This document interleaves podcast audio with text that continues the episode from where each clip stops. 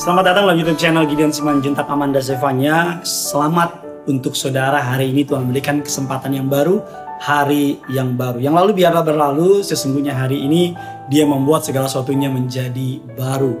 Kegagalan, rasa sakit, ketakutan, kekhawatiran, akan mungkin dosa yang menghalangi sudah di hari-hari kemarin. Tanggalkan, lupakan, biar hari ini kita menaruh kekuatan kita kembali kepada Tuhan. Tundukkan kepalamu, kita bersatu dalam doa. Tuhan Yesus yang baik, kami datang kepadamu Tuhan. Kami sadar bahwa hidup kami sepenuhnya adalah anugerah dari Tuhan. Kami datang membawa hidup kami, membawa segenap pengharapan kami. Biar Tuhan yang menuntun langkah kami. Tuhan yang melihat kerinduan kami. Dan Tuhan yang berperang dalam hidup ini. Kami siapkan hati kami untuk diberkati firman Tuhan. Urapi hambamu, biarkan dia menjadi berkat menjadi pelita, menjadi terang, mengalirkan aliran-aliran kehidupan, hikmat dari surga, mengalir dengan derasnya. Biar nama Yesus Kristus Tuhan yang diagungkan, ditinggikan sampai selama-lamanya. Di dalam nama Tuhan Yesus, setiap kita yang siap diberkati firman Tuhan, sama-sama kita katakan, amin. Menaruh kekuatan di dalam Tuhan. Kita mengatakan bahwa kita yang menentukan kita mau taruh di mana pengharapan kita. Kita mau taruh di mana kekuatan kita. Sama seperti tisu ini, Tuhan memberikan kita free will. Tuhan memberikan kita kehendak bebas. Saya yang menentukan mau taruh di mana. Kalau anggap saja tisu ini adalah sebuah kekuatan, sebuah pengharapan, tempat kita bersandar, tempat kita berharap, ditaruh di mana kekuatan kita, ditaruh di mana pengharapan kita akan sangat menentukan bagaimana hidup kita. Kalau saya mempercayai untuk menaruhnya di dalam Tuhan. Karena saya tahu bahwa kekuatan saya terbatas. Karena saya tahu bahwa saya manusia yang sangat terbatas, manusia yang gak tahu banyak hal, manusia yang gampang ditipu, gampang dimanipulasi, bahkan manusia yang gampang bisa kecewa, bisa takut, bahkan manusia yang bisa dengan mudahnya putus asa. Ketika saya menaruh harapan saya kepada Tuhan, genaplah firman Tuhan, Yesaya 40 dan 31 mengatakan demikian. Tetapi orang-orang yang menanti-nantikan Tuhan mendapat kekuatan baru. Mereka seumpama Raja Wali yang naik terbang dengan kekuatan sayapnya. Mereka berlari dan tidak menjadi lesu. Mereka berjalan dan tidak menjadi lelah. Kata kuncinya adalah menanti-nantikan Tuhan. Kata kuncinya menaruh kekuatan kita kepada Tuhan. Penulis kitab Yesaya mengatakan mereka akan terus naik terbang dengan kekuatan sayapnya. Mereka berlari. Alkitab katakan tidak menjadi lesu. Mereka berjalan dan tidak menjadi lelah. Mungkin hari saudara sedang berlari mengejar mimpi saudara. Mungkin saudara sedang berlari mengejar cita-cita saudara. Atau bahkan mungkin saudara sedang berjalan sambil menantikan kapan Tuhan tolong, kapan Tuhan bela. Kalau engkau menantinya, kalau engkau berlari sambil menanti-nantikan Tuhan. Engkau berjalan sambil menaruh harapanmu sama Tuhan. Engkau tidak akan menjadi lelah, engkau tidak akan menjadi lesu. Kekuatan bisa diperoleh Jikalau kita menaruh kekuatan kita, pengharapan kita kepada kehadiran Tuhan di dalam hidup ini. Bagaimana supaya saudara dan saya bisa menaruh kekuatan kita kepada Tuhan dan mengapa kita harus menaruh pengharapan kekuatan kita kepada Tuhan. Yang pertama kita mengatakan dan apabila kamu berseru datang untuk berdoa kepadaku maka aku akan mendengarkan kamu. Kita juga mengatakan lebih lanjut lagi tetapi aku tentu aku akan mencari Allah. Dan kepada Allah aku akan mengadukan perkaraku. Kepada Allah kata Ayub, mengadukan perkaramu kepada Tuhan. Dia Tuhan akan menyelesaikannya bagi saudara. Mengapa saya harus menaruh kekuatan saya kepada Tuhan? Karena Tuhan selalu mendengarkan doa dan tangisan saya. Manusianya dapat mendengar, belum tentu dapat menyelesaikannya. Bahkan banyak orang mendengar cerita kita hanya untuk kembali menceritakan kepada orang-orang di luar sana. Bahkan ada banyak orang yang mendengar cerita kita hanya untuk melihat betapa kita sedang jatuh, betapa kita sedang gagal. Atau ada juga yang mendengar tapi nggak bisa buat apa-apa. Kalau engkau mengadukan pengharapan, mengadukan doa tangisanmu kepada Tuhan. Bukan saja ia mendengar dengan tulus. Tapi dia akan menyediakan jalan keluar. Memberikan kekuatan, memberikan pengharapan. Yang kedua, Alkitab mengatakan, mengapa kita perlu menaruh harapan kita kepada Tuhan? Mengapa kita perlu menaruh kekuatan kita kepada Tuhan? Yang kedua, karena ia adalah Allah yang berkuasa untuk melakukan segala sesuatu. Salah satu ayat hafalan saya waktu saya awal-awal mulai bertobat, ayat yang sangat pendek, gampang diingat, tetapi powerful. Injil Lukas 1 ayat yang ke-37. Sebab bagi Allah tidak ada perkara yang mustahil. Ketika dulu saya menghafal ayat ini, saya cuma menghafal karena paling gampang, paling pendek, dan paling mudah diingat. Tetapi semakin saya dewasa mengikut Tuhan, saya mulai mengerti sebab bagi Allah tidak ada yang mustahil. Sebab bagi Allah tidak ada perkara yang mustahil. Dan saya melihat perikop ketika ayat ini diucapkan adalah ketika Maria dijumpai oleh malaikat Allah dan Maria harus mengandung bayi dari yang namanya pemilik dunia ini tanpa melakukan hubungan suami istri. Dan ayat ini muncul sebab bagi Allah tidak ada yang mustahil. Diikuti dengan kisah Elizabeth yang sedang mandul tetapi dapat diberikan keturunan. Menghasilkan seorang nabi besar namanya Yohanes Pembaptis.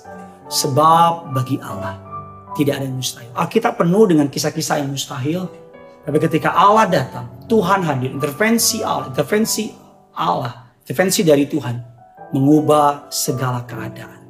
Matius 6 ayat yang ke-25 mengatakan demikian. Karena itu aku berkata kepadamu, janganlah khawatir akan hidupmu, akan apa yang hendak kamu makan, apa yang hendak kamu minum, janganlah khawatir pula akan tubuhmu, akan apa hendak yang kamu pakai.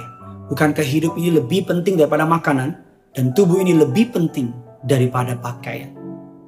Penulis kitab Matius ingin mengingatkan saudara bahwa orang-orang yang tidak mengenal Allah, mereka mencari itu semua. Tapi kita mengenal Allah.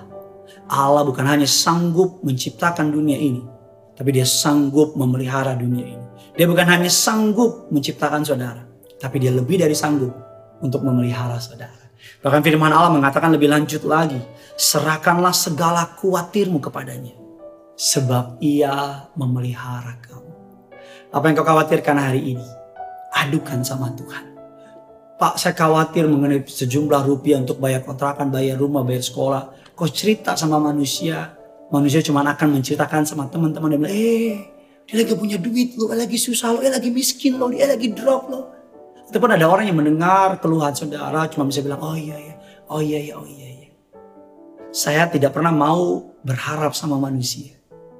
Karena manusia pada akhirnya pasti mengecewakan. Saya tidak peduli sebaik apa pun manusia tersebut. Karena pada akhirnya manusia terbatas. Serahkanlah segala kekhawatiranmu kepadanya.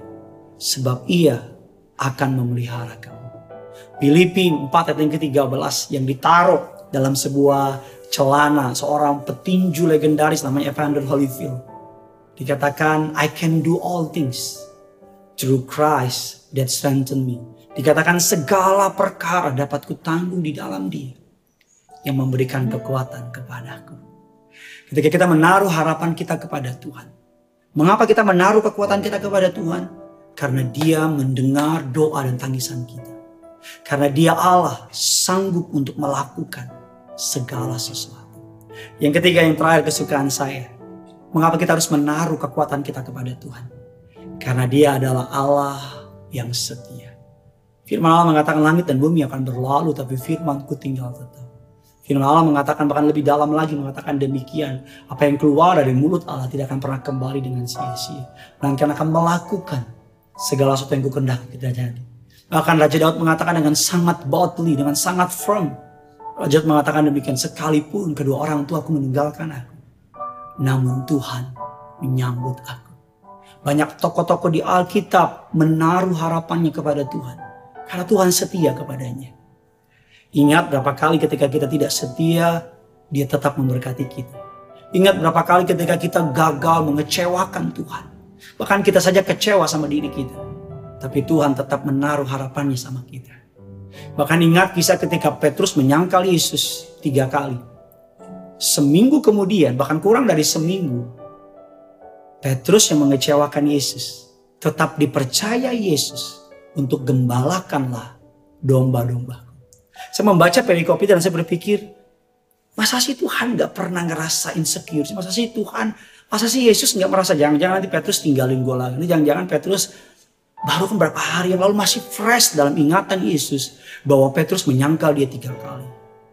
Tapi ketika Yesus dalam kebangkitannya bertemu dengan Petrus, Yesus berkata kepada Petrus, Yesus tidak ingat pelanggaran Petrus. Tapi Yesus mempercayai sebuah pelayanan besar kepada Petrus dengan berkata, Gembalakanlah domba-domba. Saya rasa Petrus akan berkata, Tuhan aku kan mengecewakan engkau, Tuhan aku kan menyangka engkau. Dan saya mungkin berpikir dia akan berkata, I trust you. Peter, I trust you. Ayub 10 ayatnya yang ke-12 mengatakan demikian. Hidup dan kasih setia kau karuniakan kepadaku. Pemeliharaanmu menjaga nyawaku. Hidup dan kasih setia kau karuniakan kepadaku. Pemeliharaanmu Tuhan menjaga nyawa. Bahkan dalam kitab ratapan 3, 22, 23 mengatakan demikian. Tak berkesudahan kasih setia Tuhan. Tak habis-habisnya rahmatnya. Selalu baru tiap pagi. Besar kesetiaan. Mari menaruh kekuatan kita kepada Tuhan. Tanggalkan egomu, tanggalkan kemampuanmu, tanggalkan yang kau merasa bisa dan mampu itu Taruh semuanya sama Tuhan. Biar dia Tuhan Allah yang mengasihi saudara. Dia Tuhan Allah yang setia. Dia Tuhan Allah yang mendengar doa dan tangisan kita. Dia Tuhan Allah yang sanggup melakukan perkara-perkara yang mustahil. Bagikan kabar baik ini sebanyak mungkin kepada orang-orang yang saudara kasihi. Agar saudara boleh menjadi terang dan garam. Agar saudara boleh menjadi pembawa kabar baik. Tulis kolom komentar di bawah dengan sebuah kalimat. Aku menaruh kekuatanku kepada Tuhan. Karena dia setia padaku. Karena dia dapat melakukan perkara-perkara yang ajaib. Karena dia tidak pernah, Alkitab mengatakan tidak pernah gagal dalam hidup ini. Bagikan kabar baik ini sebanyak mungkin. Agar banyak orang boleh merasakan kasih Tuhan. Dan agar banyak orang menaruh kekuatannya kepada Tuhan. Yang tidak pernah mengecewakan. Bersama-sama kita datang sama Tuhan. Haleluya. Sama-sama kita datang sama Kekuatan di hidupku Ku dapat dalam Yesus Dia tak pernah tinggalkanku. Setia menopangmu. Berseru berharap dalam Yesus ajaib kau Tuhan penuh kuasa sanggup pulihkan keadaanmu. Dalam tanganmu seluruh hidupku tak akan goyah selamanya.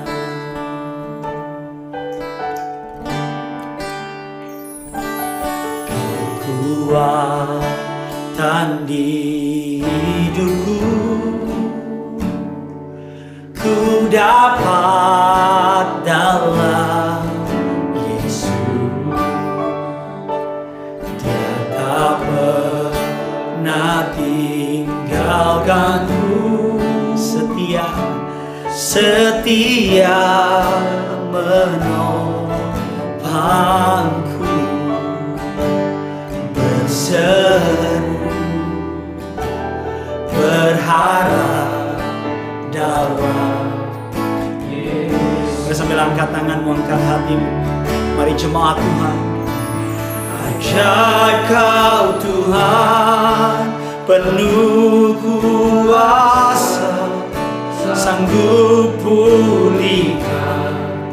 keadaan dalam tanganmu.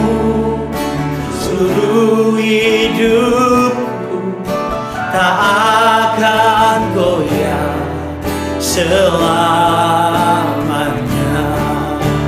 Ajaib kau Tuhan kuasa sanggup pulih girl.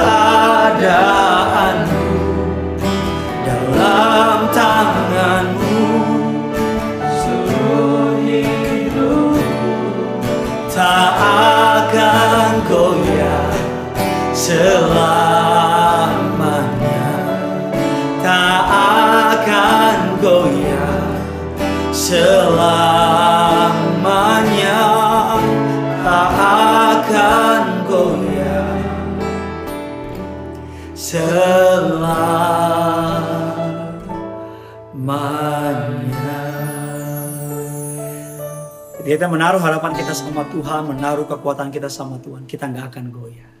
Kita nggak akan dipermalukan, kita tidak akan pernah ditinggalkan.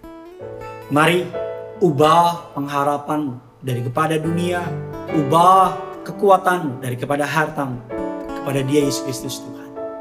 Saya berdoa agar firman Tuhan ini meneguhkan, menguatkan. Agar setiap kita kembali menaruh harapan, kekuatan kita kepada Tuhan. Karena dia yang berjanji, dia tidak pernah berdusta. Tidak pernah melupakan perjanjian. Karena dia sangat crazy in love with you. Bye-bye.